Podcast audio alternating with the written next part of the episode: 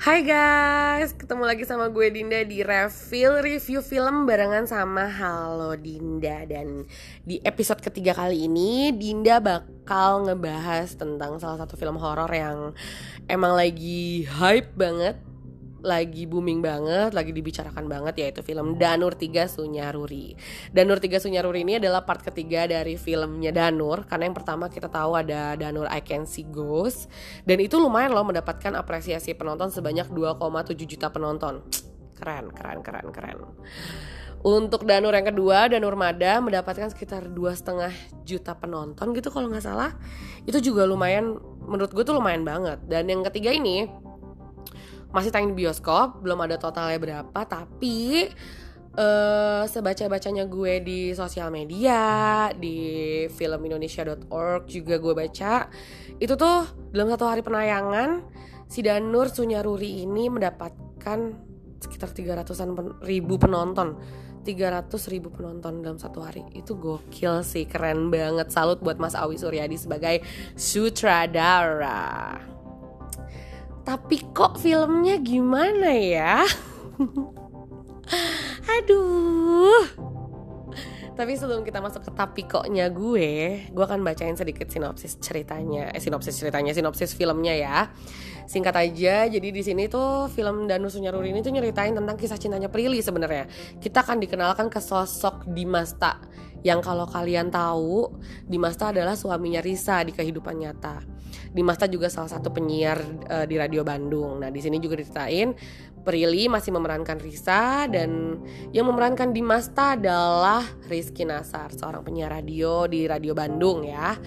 Nah, di sini juga banyak pemain baru nih yang terlibat nih. Ada Umay, ada Steffi Zamora sebagai produser di radio, terus ada Siva Haju juga.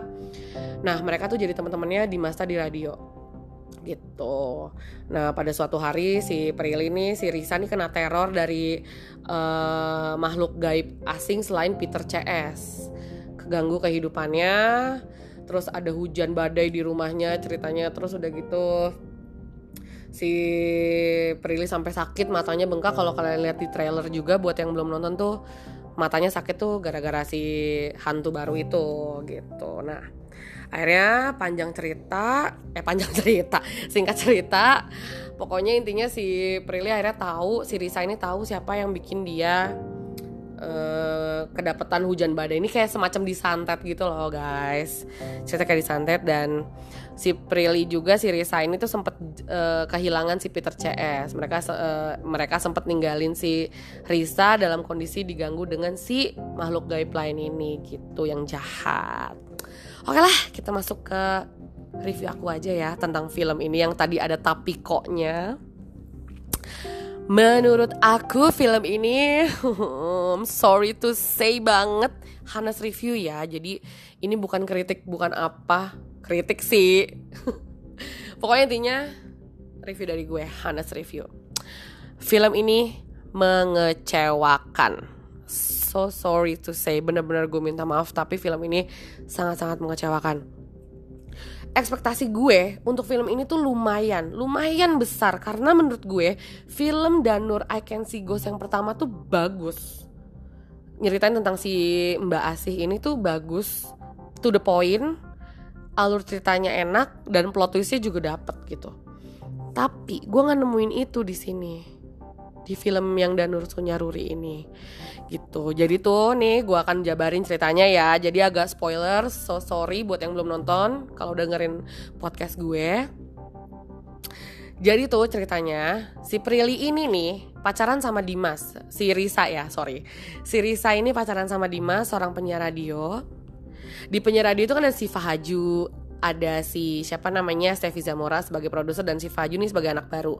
Umay sebagai partner siarannya si Dimas ini si Risa ini lagi bikin novel tapi dia tuh keganggu dengan hal-hal aneh. Kejadiannya dimulai ketika si Dimas ini ulang tahun tiba-tiba hujan badai yang ternyata hujan badai cuma di rumah si Risa doang. Kocak dah tuh ya. Terus uh, apa namanya mulailah diganggu dengan uh, kehadiran apa namanya ada satu makhluk yang nggak tahu siapa dan dari mana awalnya.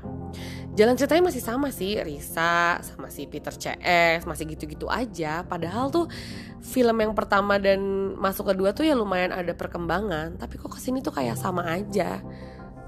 Uh, Risa Peter CS Risa Peter CS masih kayak gitu gitu. Sampai akhirnya apa namanya si Risa juga bingung sampai sakit mata dia nih ceritanya gara-gara keganggu sama ada salah satu hantu cewek di situ yang ngeganggu dan ternyata uh, hantu ini ngebikin dia untuk ngejauhin si Peter CS. Jadi si Peter CS ini sempet hilang dari dunia nyatanya si Risa gitu. Akhirnya singkat cerita ketahuan lah siapa yang bikin semua kejadian ini yaitu si Siva Haju Si Fahaju ini adalah orang yang membuat kehidupan Risa berantakan. Dan kalian harus tahu kenapa. Mending tah ya, nih mereka tuh berantem itu gara-gara rebutan cowok gitu. Si Siva ternyata naksir sama Dimas tak si Risanya ke, eh, kecewa dia naksir atau gimana. Ini mah gara-gara di kampus teh nggak disapa gitu. Mereka sekampus tapi si Siva Haju teh nyapa udah seneng ngeliat si Risa. Eh nggak disapa atulah nyantet. Menurut gue tuh kayak nggak masuk akal gitu. Mendingan konfliknya dibikin aja. Dia naksir sama Dimasta dia kesel sama si Risa gitu ya. Udah gitu ada poinnya gitu ya. Ini mah aduh ngebingungin bener deh. Udah gitu karena masalah itu tadi muter muter ke mana-mana. Jalan alur ceritanya tuh lambat. Udahlah lambat selama satu jam. Nggak jelas gitu. Padahal kalau menurut gue ya ini ini mah sebagai orang yang bego gitu soal film gue orang yang bego cuma penonton aja gue mah. Kenapa enggak dalam satu jam cerita itu tuh nyeritain tentang backgroundnya si si Fahaju ini siapa gitu. Kita tuh nggak pernah tahu si Fahaju tiba-tiba muncul. Orang si si Fahaju aja nggak pernah diangkat. Di scene-scene awal tuh nggak pernah. Jadi Prilly terus uh, si Risa terus yang diangkat.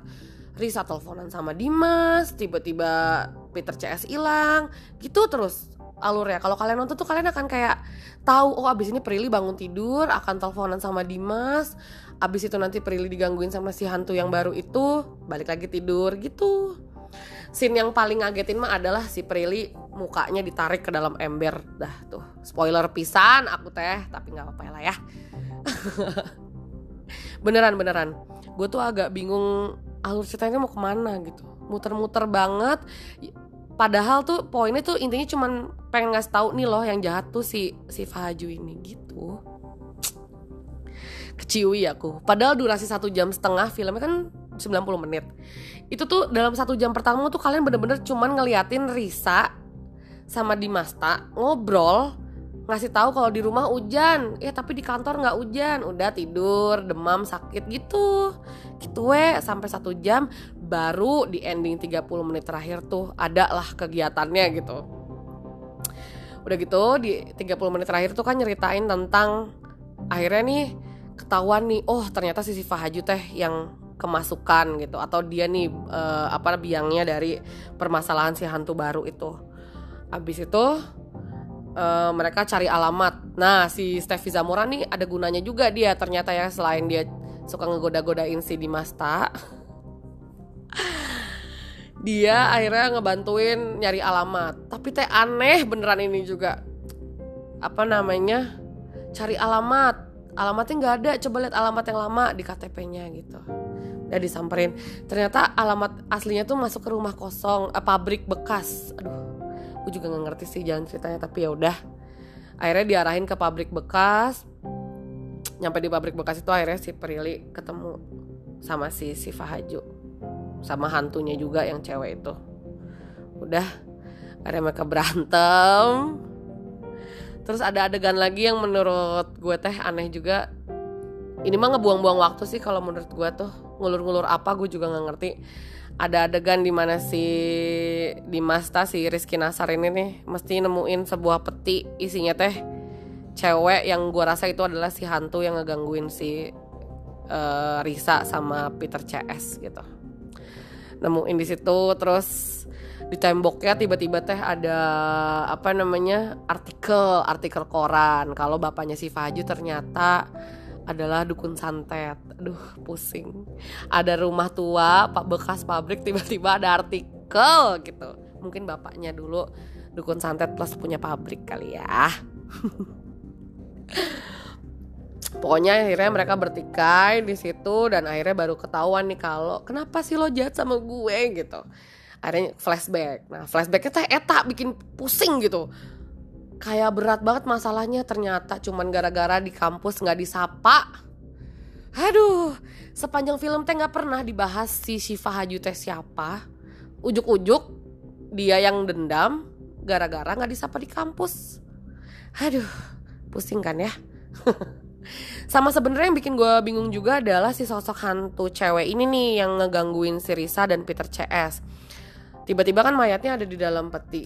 Hanya saja kita tuh nggak tahu backgroundnya tuh apakah dia hantu piaraannya si Shiva Haju atau dia korban bapaknya Shiva Haju yang dukun santet kita juga nggak tahu pokoknya intinya semua ini selesai ketika ada satu kalung yang dipakai sama si Shiva Haju diambil sama si Dimas Rizky Nasar nih akhirnya dia ada aksinya juga dan dibuang dan akhirnya pecah. Akhirnya selesai deh semua masalah. Gitu deh. Agak rumit sih sebenarnya tuh kayak ini aku nyeritain bener-bener spoiler banget tapi bener-bener gue tuh kayak ya udah gitu. Akhirnya di ending filmnya adalah si Peter Chester yang udah nggak mau uh, di kehidupannya Risa lagi karena Risa harus hidup normal tanpa ditemenin sama mereka. What agak kayak mind blown gitu kayak udah gini doang gitu ceritanya.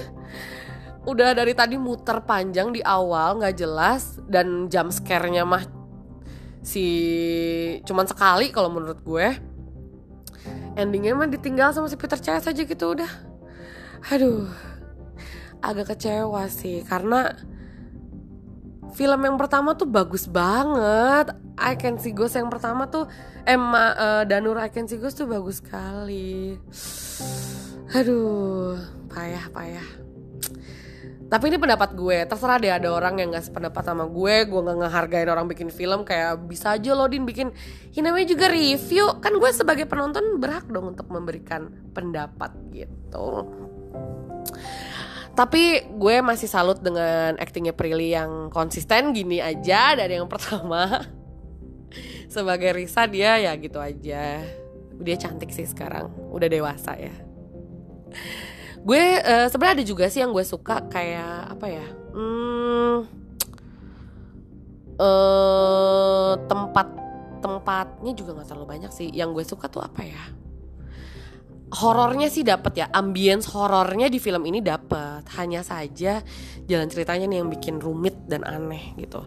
Terus satu lagi banyak peran-peran yang menurut gue nggak penting sayang aja. Mendingan kenapa nggak jalan ceritanya dipadetin dipack gitu dengan peran yang sedikit tapi guna. Ini tuh kayak kayak umai gitu ada umai di sini tuh bikin gue tuh mikir ini tuh dia ngapain ya? Abis itu tiba-tiba gone aja di tengah film. Di tengah film di tengah cerita tuh udah aja ngilang gitu ke mana? Nggak jelas. Suka bingung sih aku tapi ya udah mungkin itu pilihan dari sang sutradara dan timnya ya. But other than that sih gue selalu menghargai film-film Indonesia gitu. Mudah-mudahan filmnya juga masih mendapatkan uh, penonton yang cukup banyak walaupun gue kecewa ya dengan film Danur ini. Padahal ya dulu sebaca-baca gue nih terus gue baca review-review juga si Danur Agency Ghost ini budgetnya tuh nggak banyak loh. Budgetnya tuh minim gitu. Nah baru masuk ke Danur kedua nih yang Mada itu lumayan tuh. Ngeluarin budgetnya effortnya juga besar dan menurut gue juga lumayan bagus tapi tidak sebagus yang pertama. Tapi yang sekarang nih yang menurut gue budgetnya katanya juga besar tapi kok segini aja gitu Mas Awi Suryadi gimana nih? Aduh. Ya tapi mudah-mudahan aja ke depannya kalau emang Danur ngeluarin lagi akan lebih bagus dan lebih enak jalan ceritanya gitu. Karena gue sebagai pecinta film horor tuh sangat suka dengan plot twist yang aneh-aneh gitu ya. Seperti itu. Oke okay, baik segitu aja review dari aku.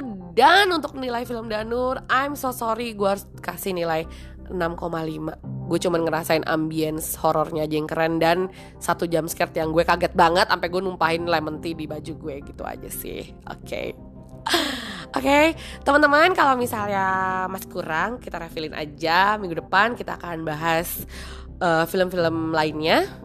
Jangan lupa makannya dengerin review Review film bareng sama Halo Dinda. Oke okay, see you on next review And bye-bye. Mwah